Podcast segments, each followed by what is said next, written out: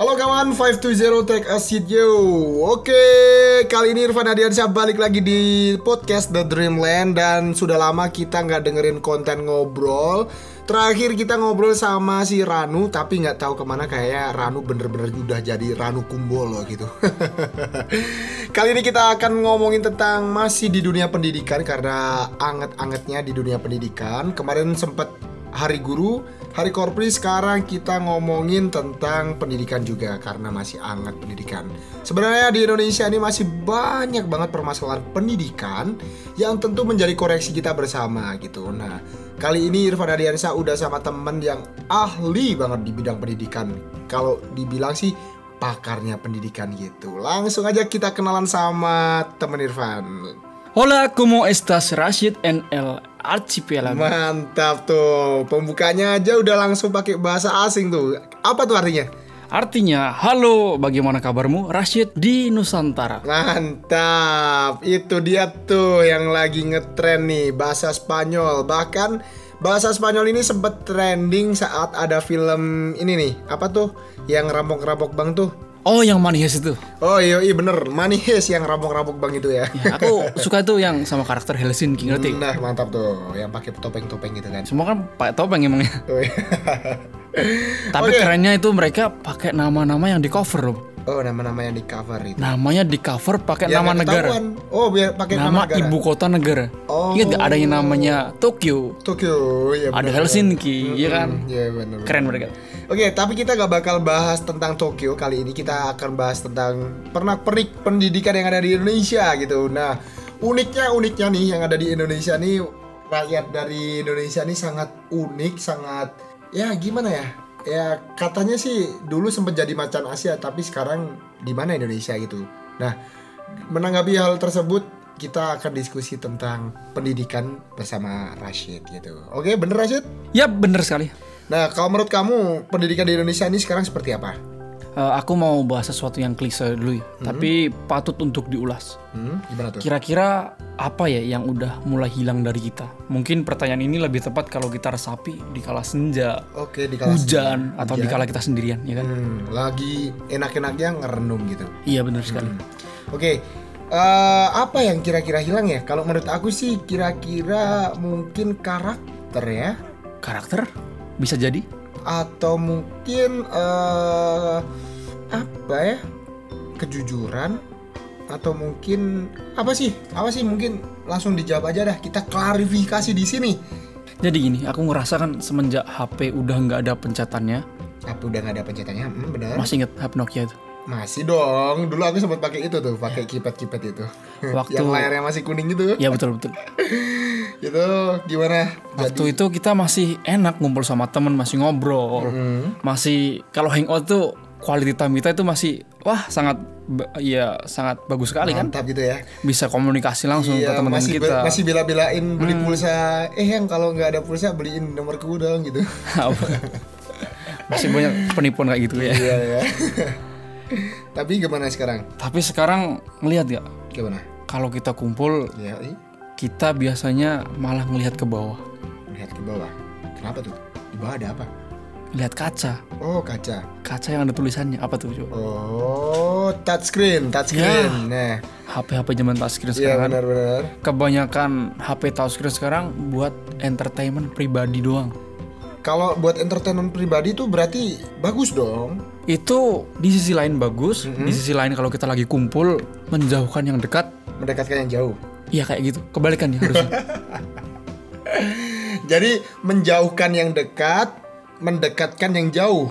harusnya nggak kayak gitu kan? Harusnya gimana tuh? Harusnya kalau kita kumpul, semakin kita dekat, semakin kita intens bicaranya kan? Oh ya, Bukan yang, malah kita yang jauh mendekat, yang dekat dirapatkan gitu. Ya, betul, Nah, mantap gitu. sekali gitu. Tapi ini ngomong-ngomong tentang kita balik lagi di dunia pendidikan, itu kalau kita menanggapi tentang dunia globalisasi, aku melihat adanya degradasi dari teman-teman kita, dari siswa-siswa di Indonesia, murid-murid, pelajar-pelajar, itu ada satu yang hilang nih, yaitu kreativitas, ya nggak sih? Ya betul. Kalau menurut kamu gimana itu? Kreativitas. Kalau berdasarkan yang tak baca di dixio.id, Yoi. kreativitas itu merupakan kemampuan untuk menciptakan sesuatu yang baru. Mm-mm. memberikan ide kreatif ide kreatif dalam memecahkan suatu masalah. wah itu tuh itu tuh yang paling penting dalam memecahkan suatu masalah Hah, Nah, karena kalau kita bisa memecahkan suatu masalah dengan kreatif, itu pasti ada aja ya ide-ide yang baru, bahkan mungkin timbul teori-teori baru tuh ya. hmm, betul sekali. Nah, tapi ini yang menjadi kendala juga, akhir-akhir ini dunia kita kan lagi dihebohkan dengan pandemi ya. Apakah masih bisa teman-teman kita meningkatkan kreativitas di kala pandemi? Wah, tentunya bisa dong. Harus bisa. Nah, gimana tuh? Kreativitas itu tumbuh karena adanya kemauan dari diri sendiri. adanya kemauan dari diri sendiri benar ada lagi kemampuan dari lingkungannya Ya, keadaan lingkungan juga mempengaruhi, mempengaruhi karakter dari kita. ada juga pendidikan yang ditawarkan oleh sekolahnya nggak nggak ini loh dari apa namanya sekolah-sekolahan itu dalam menyampaikan pendidikan karakter itu beda-beda Salah satunya Salah dengan satunya itu. pengajaran di sekolah juga. yes memilih sekolah yang tepat juga harus dijadikan sebagai tolak ukur dari kreativitas iya nggak Ya betul sekali. Benar. Tapi kadang-kadang anak-anak dari kiai itu mending dipondokkan katanya. nah Biar karakternya terbentuk. Nggak salah. Ya nggak salah. Banyak sih karakter menonjolkan Islami ke pondok pesantren. Kalau karakter untuk mengembangkan entrepreneur bisa di sekolah swasta yang langsung di jurusannya tertuju pada entrepreneur gitu. Kan ada SMK yang swasta mengembangkan takta buka dan sebagainya itu jiwa-jiwa entrepreneurnya meningkat di situ gitu. Nah, tapi nih mumpung ada kamu Rashid ya, boleh dong dikasih tips-tips gimana sih untuk meningkatkan kreativitas bagi pelajar gitu. Iya Irfan. Sebelum kita masuk ke situ, Hmm? aku mau tanya ke kamu bentar ya. Boleh-boleh gimana tuh? Jadi aku sekarang itu ngerasa bahwa kita itu semakin ke sini kita bakal jadi orang yang katanya jadi generasi emas. Generasi emas, generasi penerus bangsa. Betul sekali. Tapi faktanya nggak semudah itu loh. Kenapa tuh? Gara-gara teknologi, Gara-gara teknologi. orang jadi malas gerak. Kok bisa? Kerjaan yang harusnya diselesain orang, Mm-mm. jadinya dikerjain mesin. Oh, apa-apa jadi mesin. 4.0 Iya, betul. dong. Ya, Oh, bener-bener bener. Tapi bukannya 4.0 itu malah jadi menguntungkan buat manusia ya? Di sisi lain menguntungkan bagi orang-orang yang melek terhadap teknologi. Teknologi. Tapi yang nggak melek gimana dong? Oh ya bener-bener. Aku pernah sih waktu pulang kabur kemarin ngelihat di SMA aku itu nggak semuanya bisa menerapkan ini sistem pembelajaran jarak jauh. Masih ada yang gaptek. Tapi apa ya? Ya nggak mau mencari solusi gitu loh. Ya udahlah pasrah gitu. Ada juga yang udah punya uh, gawai, ada juga yang udah punya handphone, tapi nggak ada internet kayak gitu. Terus ini masalah problematika nih, nggak Iya. ada timbul inisiatif-inisiatif gitu. Katanya itu boro-boro gampang cari kerja. Mm-mm. Perusahaan pastinya kan mending milih mesin daripada kita ya kan? Ya, yang malah benar, benar, benar, benar. mesin itu bisa dibuat kerja rodi Yes. tanpa protes. tanpa protes. Kalau kita dibuat rodi, kita protes, demo dong. protes demo, Nah. iya. Kalau nggak gajinya tinggi, enggak gitu. Ya, malah murah mesin kan? Iya bener. Oke deh, kali ini kita balik lagi di pendidikan di Indonesia. Nah, terkait dengan cara-cara kita untuk meningkatkan daya kreatif kita, ada beberapa cara yang bisa dipegang atau cara-cara yang bisa dipilih untuk meningkatkan daya kreativitas kita. Mumpung ada Rashid, kita bahas yuk. Apa aja tuh? Jadi gini, di sela kesibukan lagi ngerjain tugas kuliah kan biasanya, Mm-mm. aku kadang mikir apa sih yang bisa ngebuat kita jadi orang-orang yang sukses di sana itu. Mm-mm. Tiba-tiba jatuh apel dari atas pohon, duduk gitu. Loh kok apa? Kamu ingat ini nggak teorinya Newton? Newton. Gimana tuh? Dia dapat teori dari jatuhnya apel, teori gravitasi. Ingat? Oh, Newton yang orang luar negeri itu ya? Untung itu orang luar negeri apel. Coba orang Indonesia jatuhnya Durian durian. Nah, kalau durian coba belum sampai duriannya jatuh udah hilang. itu bukan nemuin teori, dia kaget. Kaget ya, udah dikejar duriannya udah hilang duluan, udah ada yang dulu juga. Nggak jadi deh teorinya datang. Gimana tuh tentang teori Newton? Seketika ingat penemu-penemu pada masanya itu mereka sukses karena mereka berani pantang menyerah, Pantang ulet. Mm, Tapi bukan cuma itu sebenarnya. tuh? Yang paling penting itu mereka kreatif. Kreatif. Ya gimana nggak kreatif? Mereka nyoba banyak hal buat ngasih tahu ke kita, kita loh ya, bahwa penemuan itu manfaatnya sampai anak cucu kita. Oh ya bener-bener. Tapi emang kreatif ya. Kalau kita lihat dari apel aja bisa muncul teori ya. Emang kreatif. gitu. Apalagi harusnya kalau ngomongin kreatif nih, nih plus 62 nih warga plus 62 nih harusnya lebih kreatif ya. Karena apa? Karena setiap hari kita lihat kalau ada kejadian-kejadian banjir itu ya, pasti ada aja pelajar-pelajar Indonesia yang memanfaatkannya. Ada yang jadi speedboat, ada yang ski di air, bahkan juga ada yang main jet ski. Coba bayangin jet ski yang ada di laut dipindah ke jalan-jalan yang banjir. Oh iya ya tahu tahu. Pernah ada di media sosial juga itu. aduh, aduh. Kalau ngomongin itu tuh sebenarnya Indonesia tuh nggak kalah kreatif gitu. Cuman ya kreatifnya eh, salah gitu ya. Iya. Nggak dimanfaatkan di dalam dunia pendidikan. Mereka kreatifnya itu untuk menghilangkan penat kadang tuh. Yes, bener banget. Sebenarnya bisa dimanfaatkan di dunia pendidikan tuh, tapi mereka cuman nggak tahu caranya gimana gitu. Mungkin kasih tahu dong tips-tipsnya, cara-cara untuk meningkatkan kreativitas. Ya, menurut artikel yang tak baca di diksi.id itu Oke. ada beberapa hal sih yang bikin kita menambahkan Dari daya tadi kreativitas. diksio.id ya. Wah, mantep banget tuh websitenya ya. Mantap tuh. Gimana gimana gimana? Jadi yang pertama ada berani mengambil resiko. Mm-mm. Karena kalau orang berani mengambil resiko, itu berarti mereka berani untuk meningkatkan kemampuannya. Mm-mm. Meskipun apa yang diupayakan bisa saja pada kegagalan. Oh, yang penting berani gitu. Yang penting berani ambil resiko dulu. Oh, ya ya ya ya ya benar benar benar. Terus ada lagi nggak? Yang kedua adalah membangkitkan rasa percaya diri kita. Percaya diri, pede, PD. pede. Karena dengan rasa percaya diri, bahkan hal yang mustahil kita bisa capai. Nah, hal yang mustahil kita bisa capai. Kadang tuh percaya diri itu menimbulkan motivasi-motivasi terpendam gitu. Betul sekali. Nah, ketika kita udah percaya diri, apa pun yang kita inginkan pasti bisa dicapai. Bener gak sih? Bener-bener itu. Bener banget. Terus ada lagi nggak?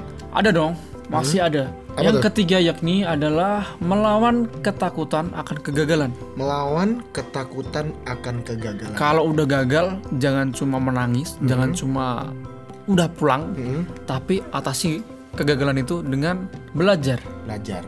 Belajar dari kegagalan. Belajar dari kegagalan. belajar dari Bener. pengalaman ya Iya. benar teman Irfan dulu banyak sekali yang mau masuk perguruan tinggi itu pada tahun pertama tuh gagal gitu nah gimana caranya caranya gimana selalu dan selalu belajar dari pengalaman kira-kira aku salah di mana aku salah di mana nah aku harus introspeksi diri dengan cara berbagai hal dilakuin belajar bareng teman belajar bareng guru belajar di bimbel nah itu akan meningkatkan eh, daya juang dan juga peluang untuk bisa masuk ke perguruan tinggi. Betul Nah, sekali, betul. Gitu.